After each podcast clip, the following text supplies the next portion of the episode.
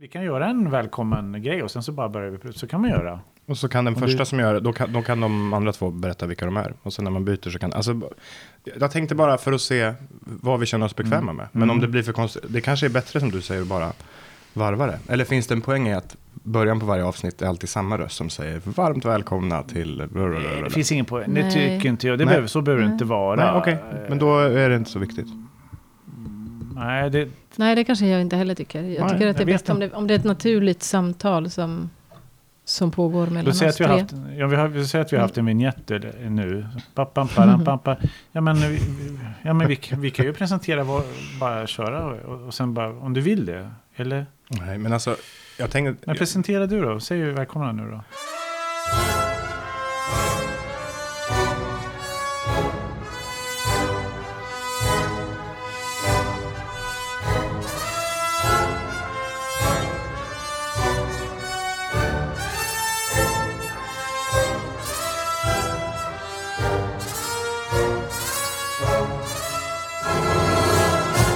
Mina damer och herrar, varmt välkomna till detta första avsnitt av denna fantastiska podd. Ja, låt medlemmar ur Norrköpings symfoniorkester ta ett steg ut i poddrymden.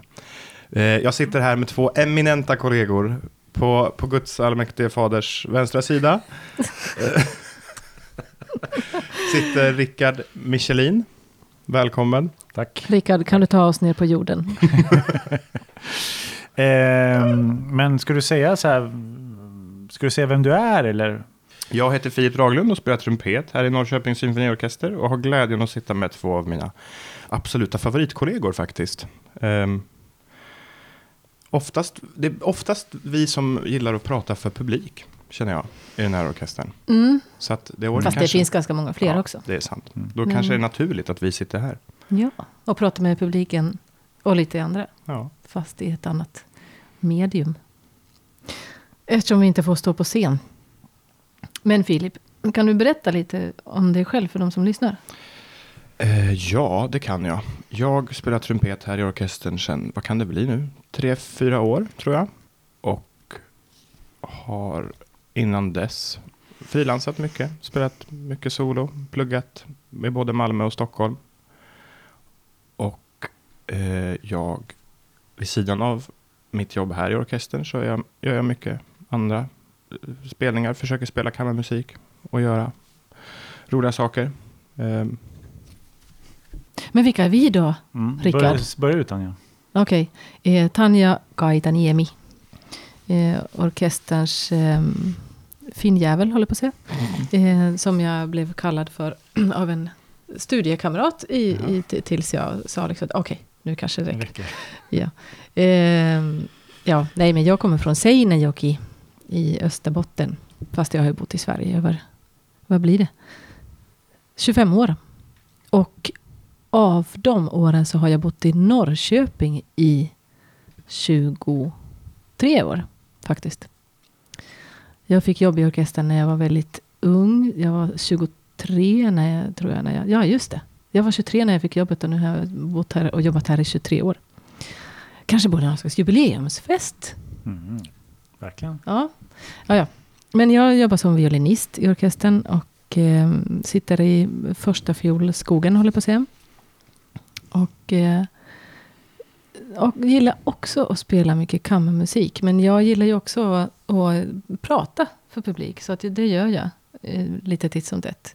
Både här i Norrköping och i, ibland i Berwaldhallen. Så det kan faktiskt vara några som känner igen min röst från P2. Det tror jag När säkert. det har varit eh, live, livesända konserter. Och så. Eh, annars har jag två tonåringsdöttrar hemma. Och en liten dvärgpudel som heter Miso. Mm. Eh, men Rickard, Ja. du då? Jag är den tredje i den här trion. Jag heter Rickard Michelin och jag har jobbat här i 25 år faktiskt i år. Eh, det låter ju ganska otroligt eh, länge. Så att, eh, men, men så är det. Jag är från Gävle ursprungligen. Precis som Thomas Di Leva och Stefan Åstrand på Utrikesreporten, ni vet. Och lite sånt. Jag har tre barn, varav två sysslar med musik och så har vi häst också. Eh, som den Vad heter tredje. hästen? Eh, hon heter Sandy och det är vår yngste son som rider henne. Eh, och ja, här i orkestern har jag varit, var ju fackligt aktiv i väldigt många år. Just nu så är jag ordningsman och sådär. Men ja, nej, men det finns, finns ju alltid saker att göra. Jag är också en sån här som pratar på scenen. Eh, när det finns tillfälle och sådär. Så I det- tid och otid. Nej, ja, det är ju så många som vill prata, eh, som vill göra det där nu, så att det blir inte lika, faktiskt lika ofta Nej, eh, just längre. Eh, Utan det blir kanske en till två gånger per år. Mm. Men, men i alla fall. Och det är roligt när det blir.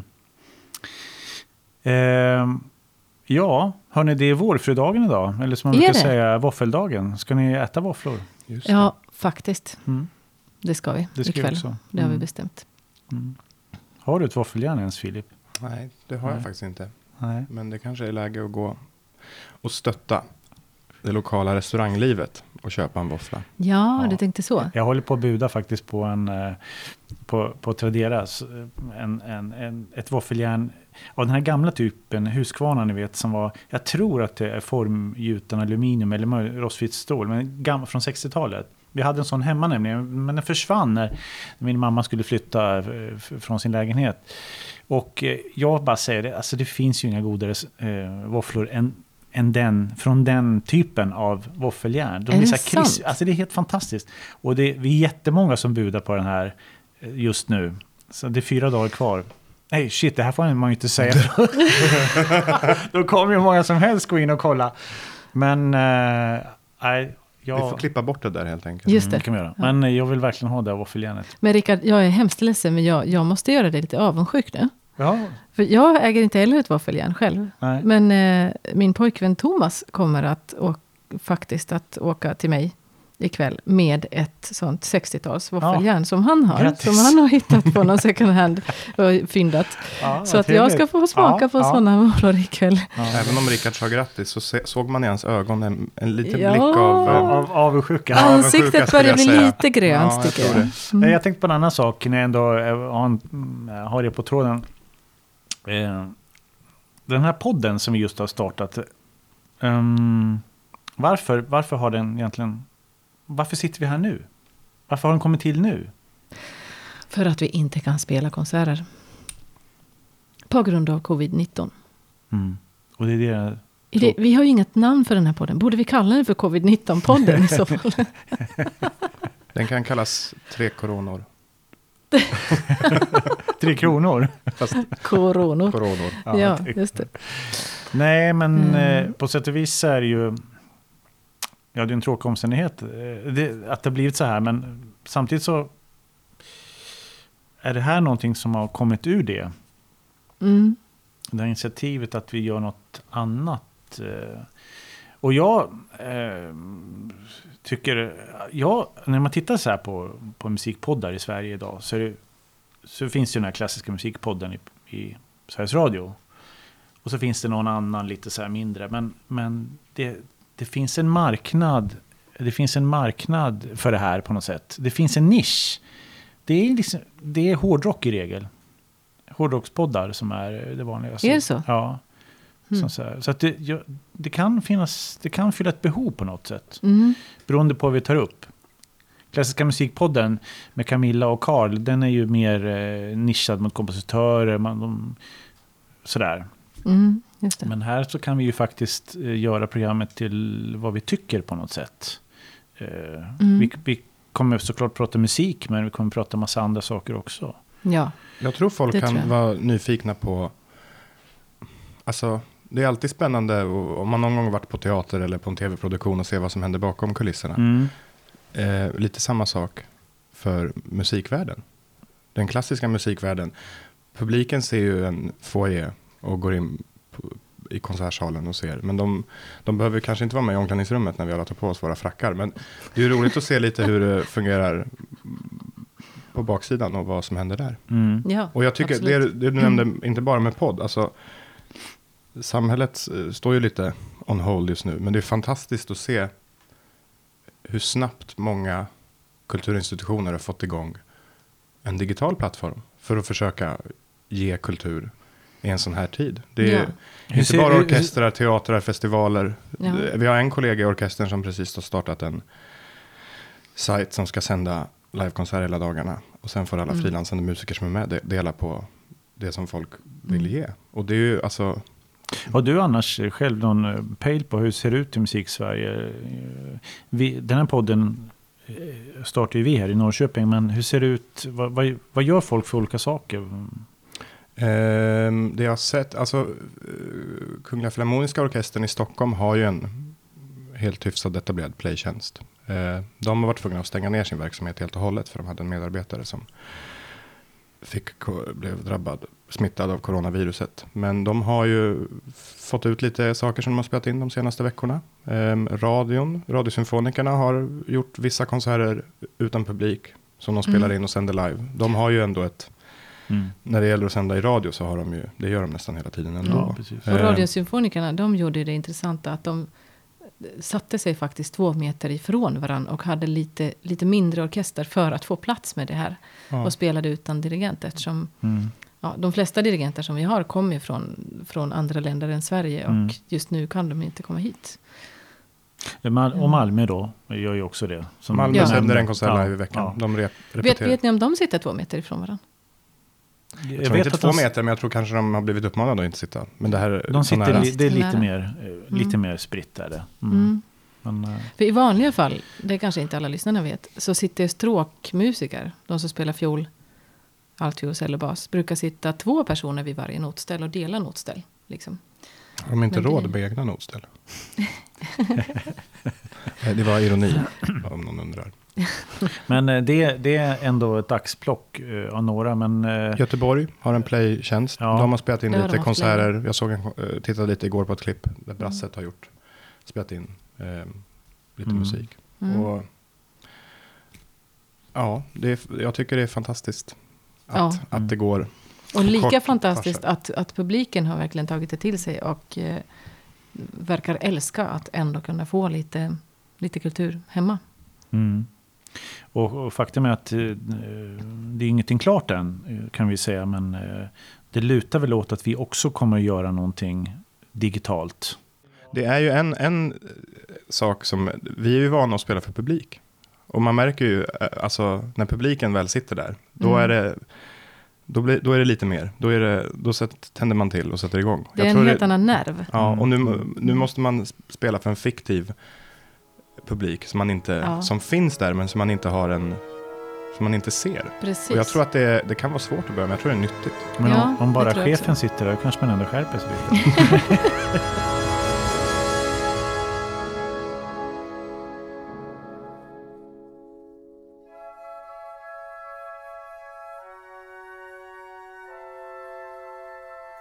Eh, I det här programmet så, så, som jag nämnde i början, så kommer vi kanske inte bara prata om klassisk musik eller västerländsk konstmusik då, om man ska ringa in det lite mer, eh, utan även andra saker. För du Tanja har ju som du sa en hund.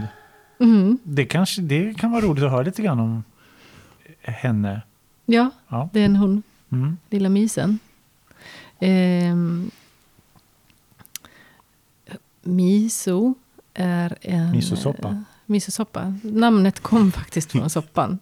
Yes. Barnen var ganska, var Jaha. ganska små när, när eh, miso kom till oss. Ja. Eh, och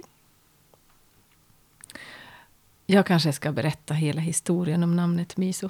Kör. Eh, från början hette Miso Lisa.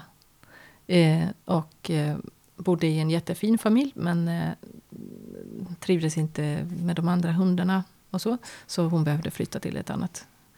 Till en annan familj. Och vi skulle då ta emot Lisa. Och jag har en dotter som heter Isa. Ah. Ni Det anar. Det funkar inte alls. När jag Och- försökte ropa på den så kom ena så kom den andra. Eller ingen. typ. Så det, det gick helt åt skogen.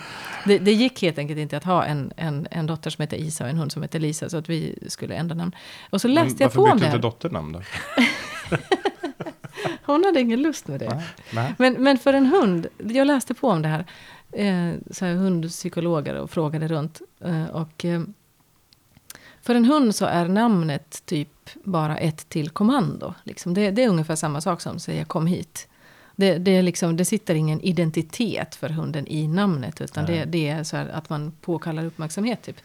Ett, ett kommando. Så, så det går jättebra att lära nya kommandon och strunta i att använda ett kommando. Alltså det gamla namnet.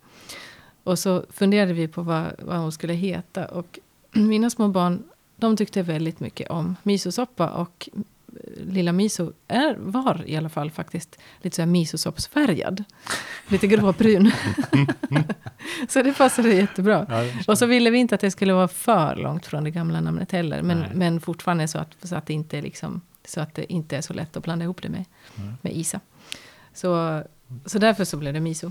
Och sen dess har hon hetat miso. Mm. Det är nu vi får reda på att Rickards häst heter Sandy för att den gillar mackor. Nej. Varför heter Sandy Sandy? Eh, jo, faktiskt. Är hon ehm, sandfärgad? Nej, Sandy Kay som hon egentligen heter. Det är en, alla hennes, ser om man säger rätt nu, men alla hennes syskon eh, är uppkallade efter en ö i Västindien. Så Aha. Sandy Kay är, är en ö i Västindien. Jaha, det visste inte jag. Mm. Eh, var, jag kommer inte ihåg vad de andra heter, men så det, det är den historien. Men... Ja, men du kan ju bara räkna upp alla öarna i Västindien. Ja, precis. ja, det, det, finns några stycken. Mm. Ja, men hon är jättefin. Men hon är ju, hon står ju i Skåne nu då. Eller nu ska vi faktiskt ta hem henne nästa helg då, eftersom eh, han är tvungen att lämna skolan han också. Jaså? Så att... Eh, okay. Vad studerar, vad pluggar han? Eh, på ridgymnasium ah. i Flyinge. Ja. Så att eh, det är lite, ja, så vi måste ta hem alltihopa och sen vet vi inte om den ska börja igen eller om Nej. det blir någonting mer i år. Så det, det, är lite, det är mycket saker att ta med när man eh, liksom, eh, som hör till hästeriet. Så bilen är helt knöka full plus som har släpet bakom och sådär. Så, ja. så att, men, men det är roligt. Och det är inte riktigt som en liten dvärgpudel som man kan greppa under armen. Nej, nej det, mm. Men, eh, nej, men hon är en väldigt, väldigt fin och trevlig familjemedlem. Vad är det för typ av häst? Ras eller eh, storlek? Eller? Hon är ett stor... Alltså, hon har ju hon har, hon har fin stam, det har hon. Eh, hennes anfader stormade Budapests murar när turkiska, när turkiska armén anföll. Eh, eh, men så hon blev tillfångatagen, alltså anfadern blev tillfångatagen. Och, du skojar inte nu? Nej, alltså? nej, och ta, tagen, det var 1683, tagen till, liksom till Europa då, så att säga. Mm. Eh, så, att, och sen så, så det finns lustigt nog alltså, målningar, alltså på alla anfädelser. Man målade av ofta sina hästar för. Hade de uppställda liksom på, mm. på väggar och sånt där. Så man kan se hur de såg ut ungefär. Varför stormade hästen Budapest? Nej, inte alltså turkarna stormade Wien. Nej, stormade eh, Budapest som hörde till Wien. Ja. Ja, så det var det. Och de red på en massa hästar. Och då, och då de förlorade, turkarna, eller sultanen, Osmanska riket förlorade det slaget. Mm. Uh, och då blir det en massa krigsbyte liksom. Mm. Ja. ja. Men det är långt tillbaka, det är för fasen 400 år. Så det är 450 år. 440 år. Mm. Ja, detta om detta. Eh... Filip, har du något djur? Mm. Nej, faktiskt inte. Nej. Jag har haft katt. Jaha. Jag är nog mer en katt än hundmänniska skulle jag säga. Ja. Jag tycker att hundar, de är så otroligt tillgivna. De tar emot mm. en godis från vem som helst. Katters, katters gunst måste man kämpa för. Och den är inte mm. självklar. Jag, tycker, jag gillar den psykologiska aspekten av att katt lite mer. Man vet mm. aldrig vad de är på för humör. Och mm. Man måste hela tiden respektera dem. Men jag tycker inte det är poäng. Jag, jag åker så mycket mellan Stockholm och Norrköping. Så jag tycker inte riktigt någon poäng att ha en katt om man inte kan vara mm. där varje dag. Eller om man inte bor någonstans eh, där de kan gå ut. Apropå det, har ni, har ni sett Hemnets mest sedda annons den senaste veckan? Nej. Bakom flygen, ungefär 50 meter bakom mig, finns mm. det en liten röd villa från 1700-talet eller något sånt här, som är sett. till salu. Mm. Eh, Vad var det det hette? Forstenska huset. Forstenska ja. huset, just det. Och nu har de på budar. Ja. Går för fullt. Va, vad ligger budet på? Den gick ut för 700 000, nu är den uppe på en miljon igår kväll. Är du med? Nej, jag har tyvärr, men jag hade tänkt att ha den. Ja, mm. Jag skulle vilja ha en våffelstuga där, apropå våfflor. Man har fem stycken sådana här huskvarnar, rostfria från 60-talet, står där bara tsch, och, så kommer, kommer, och så sitter man i trädgården. Vilken grej det skulle vara. Ja.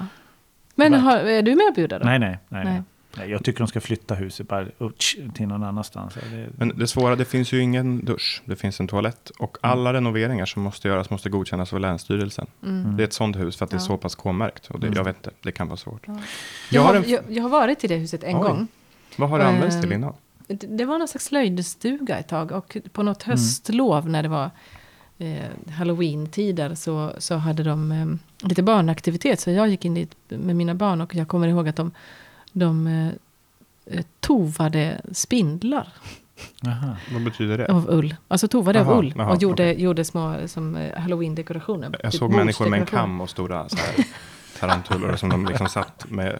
Ja, Ja, det hade varit roligt. Men riktigt så roligt var det inte. Men Fast det var ganska kul ändå. Fältbiologen har väl också hållit till där? Tror Ja, jag, det var en- innan. En, tid, ja. Ja, precis. Just det. Eh, Det, det ska vi ju säga till lyssnarna att eh, Konserthuset i Norrköping ligger ju mitt i industrilandskapet. Som ju är ju, består av en massa gamla industribyggnader som man under flera år har rustat upp. Och här finns ju mm, lärosäten. Linköpings universitet har ju sitt campus. Arbetets museum. Strykjärnet. Mm, Stadsmuseet. Så Mm. det är ju, mycket vatten. och mycket studentbostäder precis utanför området också. Så det är ju det är dynamiskt. Det är en dynamisk del av den här Mm. stan.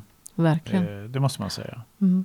Jag tycker man blir glad varje gång man, om man kommer från centralen sett och går, Ja. går till jobbet. Den här lilla sista biten när man går längs vattnet och ser hus, eh, konserthuset torna upp sig. Och Det är vattenfallet. fantastiskt. Man blir, jag, Ja. jag blir glad varje gång och tänker Ja. wow, här får jag jobba. Ja, Ja, jag, ja. jag med. Mm. Och så öppnar de dörren och så står jag där. Vad heter det? Vi har ju ett jobb där man, som består i att man spelar orkester. Vilket vi inte riktigt gör på samma sätt nu då. Men eh, eh, vi sitter i ett rum faktiskt för, för, i våran studio. För dämpningens skull så har vi kanske 20 frackar som hänger här för att dämpa. Det här med klädfrågan Tanja, tänker jag. Hur, har du liksom, hur ser du på den över tid? Så här? Tycker att Ska man förändra konsertkläder? Ska vi förändra konsertkläderna eller ska vi behålla det vi har haft? Eller hur? Alltså jag är lite kluven. Hela, hela västvärlden har ju det här med att män har frack och kvinnor har långklänning. Själv har jag liksom inte trivts i klänningar på ganska många år. Jag tror inte jag har haft en kjol på mig eller klänning på mig på mer än kanske fem gånger under de senaste tio åren. Nej, men ni får ju ha eh, långbyxor. Ja, det får Ja, vi. ja. Ja, precis. Jag har heller inte haft kjol på mig på väldigt länge. Nej, exakt. och det är där min poäng är. Att, att jag tycker, jag, jag, egentligen, rent personligt så här, helt utopistiskt bara, Mm. hur, hur jag känner, så tycker jag att det borde kunna finnas en klädkod som inte begränsar en eh, på grund av könet på något sätt. Som, som, inte, som inte sätter upp några mallar och som inte, men som ändå är jättesnyggt och jättestiligt och, och uh, snygg design. Men att, men att det finns en, en, fri, en personlig individuell frihet som inte hänger ihop med könet överhuvudtaget. Men jag förstår någonstans att det är omöjligt och orealistiskt och att jag kommer inte kunna vända hela västvärldens syn på liksom konsertklädseln på det- klassiska det konserter. omöjligt. Men det skulle vara roligt om någon orkester någonstans testade det och satte upp och, och gjorde något helt annorlunda. Men varför kunde inte ni ha frack, alltså frackjackor? Om ni har långbyxor och så Ja, frackjacka som ja. är en annan, kanske annan skärning på. Men Vi har ju en klädkod. ja, Och där står det att män ska ha vita skjortor och kvinnor ska vara helsvarta på vanliga Mm. Jo, jo. kvällskonserter. Eh, men sen om jag skulle gå upp till chefen och säga att jag vill ha frack med vit skjorta. Då, då tror jag inte att de skulle motsätta sig det. Liksom. Att jag, jag tror att jag skulle få det. Men, men, men jag tänker att, eh, att det, 2020 så känns klädkoden rätt förlegad. Som det är nu. Det finns, väl, finns det någon bransch där man verkligen har olika klädkod för, för kvinnor och män. Och där man liksom utgår ifrån att kvinnor vill ha nylonstrumpbyxor och, och klänningar. Professionella simmare. men... men om, men det har du rätt i. Men du har jag en poäng. Du har en jag, poäng. jag håller med dig i mycket av det du säger. Jag tycker bara det är en liten snäv balansgång för att vissa, alltså när, jag tror många som går på en konsert, vi har många i publiken som gillar att klä upp sig, ta på sig kostym eller något stiligt. Mm. Och, alltså, de kanske går till konsert, de gillar det här att man går till en konsert och så känner man igen det här att det, det är lite old school, lite stiligt. Och det här formatet. En overtyr, en korta, ett kortare verk, en solist, paus Mm.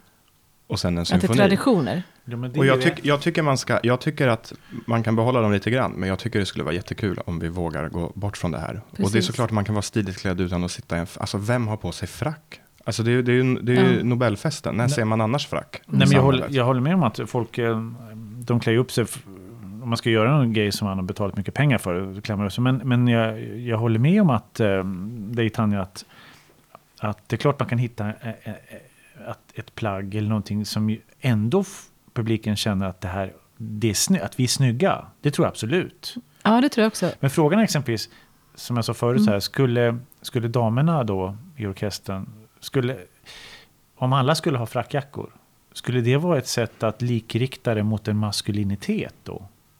Eller Japp, för, definitivt tycker jag. för, för, för någonting Mm. vill man ändå ha på sig, för att det kan ju, ibland är det kallt på scenen och så här, Mm. man, man vill ha någonting som är, det, det känns klätt, om du kör med Mm. här. Mm. Och då är frågan, det finns ju inte enorma utbud utav eh, eh, alltså kavaj, den delen i, i, i själva...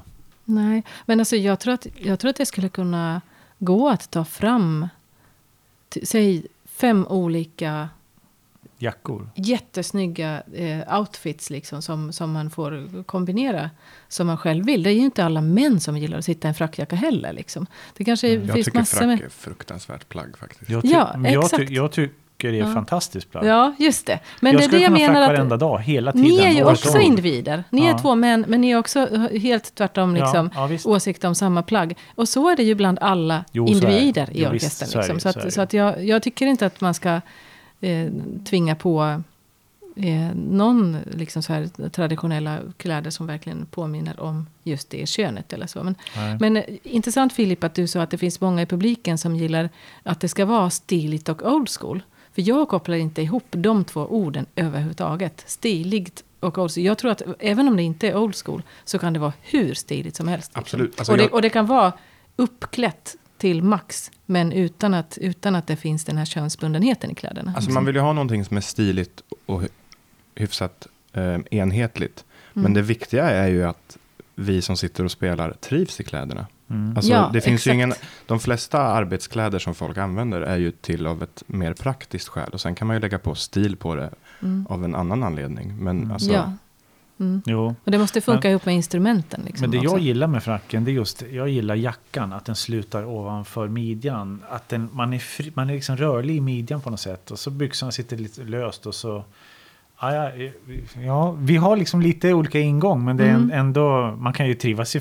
Jag trivs i frack, men jag kan mycket väl tänka mig en annan variant, eh, absolut. alltså jag tycker bara kostym är så mycket enklare att spela i. Och framförallt för att fracken, det är så många lager.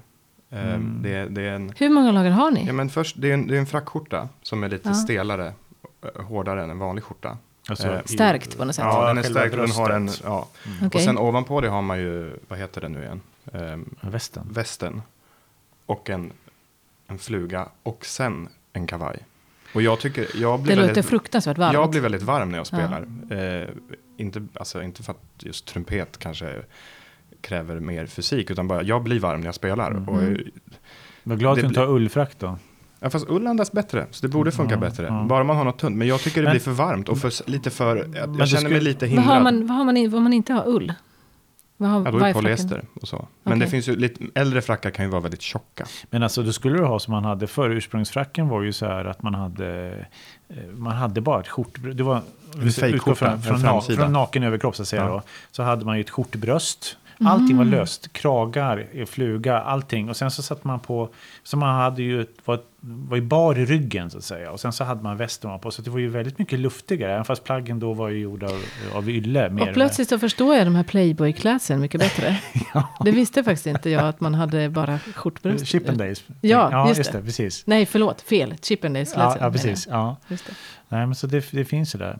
Nej, men det är föränderligt, eh, så är det ju. Men eh, jag tror att eh, publiken, ja, det är, det är en vanesak också. Vi kan vara som Tanja sa, tror jag, snyggt klädda utan att Mm. publiken blir besviken. Mm. Och den, just den här diskussionen känner jag skulle kunna vara ämne faktiskt nästan för ett, te- för ett eget program. Mm. Just klädseln. Mm. Eh, det, det är liksom en...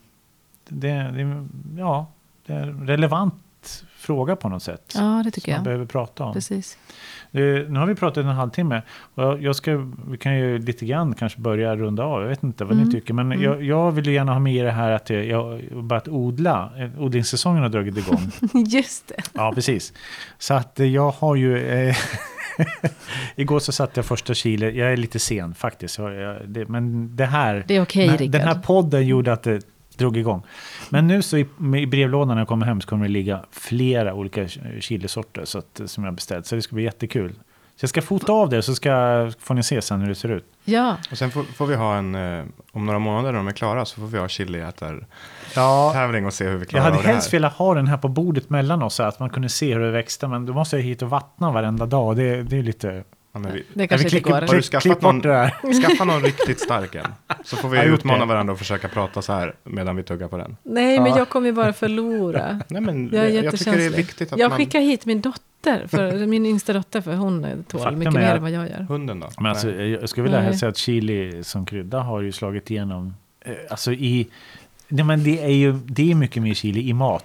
Ja, Man äter det- mycket mer chili. Mm. Jag själv var, Ja. kan jag säga, var mer känslig förut, för några år sedan. Men nu, Mm. så varenda grej jag lagar i stort sett, eh, inte pannkakor då, men så har jag i chili. Alltså Ja. det, Våfflor det blir Ja. det. Jag vet inte varför. Det, Våfflor? med Våfflor chili? är Nej, inte våfflor, men det man... Inte det? Det finns säkert en fyllning till, eller något så här, som man kan lägga på, på våfflor också, med Ja, chili, ja, det om man det. googlar. Ja, det gör det Det säkert. måste jag göra. Vi kommer ju i Ja. den här podden säkert att ha eh, gäster som vi bjuder in ibland. Vi kommer Absolut. ha lyssningstips, vi kommer kanske recensera något, kanske hända att vi gör. Ja. Det vore lite vågat och Men eh, jag hade faktiskt en chiliplanta. Jag har ingen, eh, ingen stor trädgård, utan jag har bara en liten uteplats. Eh, och snart, om ett par månader, så har jag bara en balkong, för jag ska flytta. Men ehm, jag hade en chiliplanta som jag fick av en eh, väldigt fin kollega eh, i orkestern. Får se om vi kan ta hit henne som eh, gäst. mm. Jag har en an- anekdot, eller jag har en berättelse, en kul grej om en kollega, Ja. som jag inte ska Shoot. säga vem det är. Personen i fråga, nu så här i coronatider, vi har ju läst om masshamstring och stackars butiker och Mm. hur allt kan gå. Eh, hans flickvän hade vaknat mitt i natten och hörde att det lät. Och så ser hon att eh, han, vår kollega står vid skrivaren i sovrummet och håller på. Och han, eh, den här killen, han, han går i sömnen ganska mycket. Ehm, och hon frågar honom, men det förstod inte hon och det visste inte hon. Va, vad gör du? Och så svarar han i någon sorts eh, typ av halvsömn. Jag, jag, ska, jag, jag måste printa toapapper. Nej, är det sant? Och det här hade han inget minne av. dagen Men vadå, efter. hände det här nu i Ja, coronatider? här om två, tre dagar sedan. Det Skojar är du? en fantastisk historia. Ja. Att hjärnan på något sätt har under, undermedvetet bearbetat Wow. det här och går upp mitt i natten för att printa toapapper. Ja, Okej. Det, låter ju nästan för bra för att vara sant, Ja, men ja. otroligt roligt. Ja. Jag har, får jag ställa en fråga till er? Ja. som jag Absolut. tänker att kanske folk som lyssnar är intresserade av. Ni spelar ju båda fiol Ja, Mm. i orkestern. Men ni sitter ju i olika fiolstämmor. ja. Vad, är det någon skillnad där? Alltså hur, är det någon skillnad? Tanja, du spelar första fiol och Rickard, du spelar andra fiol. ja, och då ska jag poängtera att, för att det här är en ganska vanlig missuppfattning, att första fiol betyder inte att jag är någon slags eh, chef eller att det är jag som är liksom eh, leder på något sätt, utan det är konsertmästaren som gör, utan vi är typ, vi är väl 13 första violinister sammanlagt som har precis samma jobb. Men absolut att det är skillnad Mm. på rollen, stämmans, första fiolstämmans och andra fiolstämmans roll i orkestern. Mm. Eller vad säger du Rickard? Jo, men också eh, absolut, men också hur man eh, hur man spelar. Jag menar, ehm, alltså det har med koordination och sådana saker. Vi, man kanske var, alltså det har med anpassning och lyssning och sådana saker att göra. Eh, Om, man, om jag säger att första fiolerna är lite mer så här glittret och andra fiol hjärtat. Vad säger du var ju då? Det var ju poetiskt. Eh, nej men, Rent tekniskt så är det ju så att första fiolerna spelar oftare lite högre toner. Mm, alltså mm, liksom ljusare toner i folkmun. mm. Eh, och andra fiol lite mörkare. Och det jag tänker, när jag säger så koordination så tänker jag just på sådana här ackompanjerande figurer som är då är sådana grejer. Mm. Som är, eh, Eller att man lägger sig en... Vad fint du sjunger, Rickard. Ja. ja, men det är också sådana Mm. grejer. Alltså, jag, jag själv har på något vis, man är lite skadad, men jag har ju väldigt lätt att höra, liksom att sjunga en andra stämma från någon melodi som jag hör. eh, Sådär. Mhm. Så bara lägga en, lägger mig, det, det är en sån här grej man, det har med lyssning att göra. Så Ja, alltså jag kan Absolut. tänka mig att första fiolen, eftersom ni ofta spelar melodi eller högre Mm. upp, att ni har en, eftersom ni håller på med det så länge, man, man blir ju väldigt anpassad till sitt Yrkesskadad. arbete. Att ni tänker mer melodiskt och att andra fioler tänker mer harmoniskt. För att ni, alltså det, och alltså på, på ett sätt är de andra fiolerna kanske bättre på att vara följsamma, för att de är bättre på att se var Mm. de ligger, i, vad funktionen är, vad som behövs. Så kan det absolut vara. Första fiolerna, ni har Mm. lite mer, ja, det finns ju det är till och med uttryck att spela, att spela första fiol. Betyder ju att, Spela första fiolen. Ja, ja, ja just det. Mm, precis. Ja. Ja. men så kan det vara. Men vad betyder det uttrycket? Jag som inte ens har svenska som modersmål. jag tror att det betyder att leda.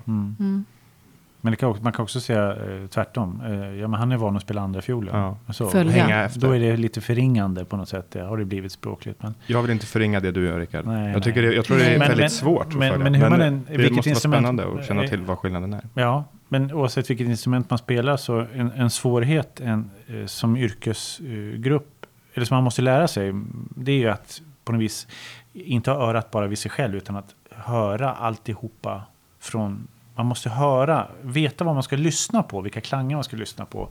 Om det är ett ackord, om man vet att vi har en viss ton, att det är någon annan som har lika, samma ton, att man lyssnar in den i Mm. orkestern. Så att, eh, det, det är ju i sig harmoniskt tänkande på något sätt. Men Ja. det, det, är väldigt, det är en väldigt viktig aspekt faktiskt.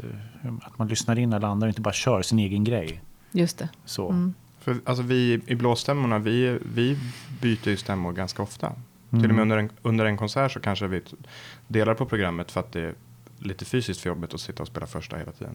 Mm. Men, men även när man spelar första, ibland har man ju en melodisk funktion, ibland ska man ju bara hjälpa till något annat. Så jag tror att vi, vi, har, vi är mycket mer vana att hela tiden försöka tänka, vad, varför, vad gör vi nu? Vad Mm. behövs det? Vad, ska det? Är det vi som är viktiga eller någon annan som är viktig? Just det. Mm. Men Filip, va- varför är det fysiskt jobbigare att spela första? Vad är det som Eh, händer? Det brukar vara mer i första stämman. För om det dyker upp lite små nakna solon i en första trumpet eller första trombonstämma så, så, är det, så måste man spela mer och det är fysiskt ansträngande. Och sen också, den stämman ligger oftast högre upp och brassinstrument överlag kan man säga är jobbigare att spela högre upp. Jobbigare eh, för, För läpparna? läpparna. Ja, för läpparna. Mm. Eh, vi har ju spelat in mycket Pettersson här. Mm. Eh, i, i Sa han och flinade. Och vi, min kollega Elias eh, har myntat ett uttryck som vi använder, Pettersson huvudvärk. Är det Eh, sant? Ja, för att det hände förra veckan när vi spelade ett modernt stycke av Jakob, förra, förra veckan. Mm. Vår sista konsert vi gjorde innan allt ställdes in. Där var det ett ställe i trumpeten som var som jag spelade som var hur högt och starkt som helst. Och jag Jakob hade, Myllrad? Ja, eller? och jag hade huvudvärk hela dagen. Mm. För att det är sånt Oj. och det, Elias som alltid spelar första stämmorna på Pettersson. Mm. Han, man ser, ja, titta någon gång när det kommer något starkt ställe. Så fort efter stället är spelat så går, kom, går, åker huvudet ner mellan benen. För, man, för att Ja, när, Ja, blod- men det har när, jag faktiskt sett. när blodet åker upp Ja. och man har spänt sig. Alltså tänk er att ni ska hålla för munnen och blåsa allt vad ni har. Ja, ja. Trycket Ja. som byggs upp. Det Mm. kommer, efter några sekunder kommer en enorm huvudvärk. Och just Pettersson-symfonierna är, är på gränsen till ospelbara. På grund av det. Jaha.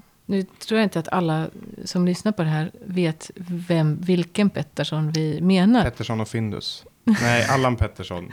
Eh, Svensk symfoniker, ganska, tyvärr inte så känd som man borde vara. Nej, 1900-talsmusik i alla Ja. fall. Relativt modern, fast inte samtida direkt. 1911 till 1980. Mm, bra. 10 Ja. poäng. Mm. Mhm. Ska vi runda Ja. av eller? Ja, kanske det. Ja, Så till alla ensamma själar som sitter där ute. Ratta in oss nästa gång och skippa alla andra grejer. Det är här ni hittar livets sanning. Yes. välkommen tillbaka till Risk FM. Ja men over and out, eller? Ja, Ja. Jag, tryck, jag trycker jag på stoppknappen här. Ska jag göra det? Ska jag våga det? eller, eller, eller trycker man först Eller på tänk om den exploderar.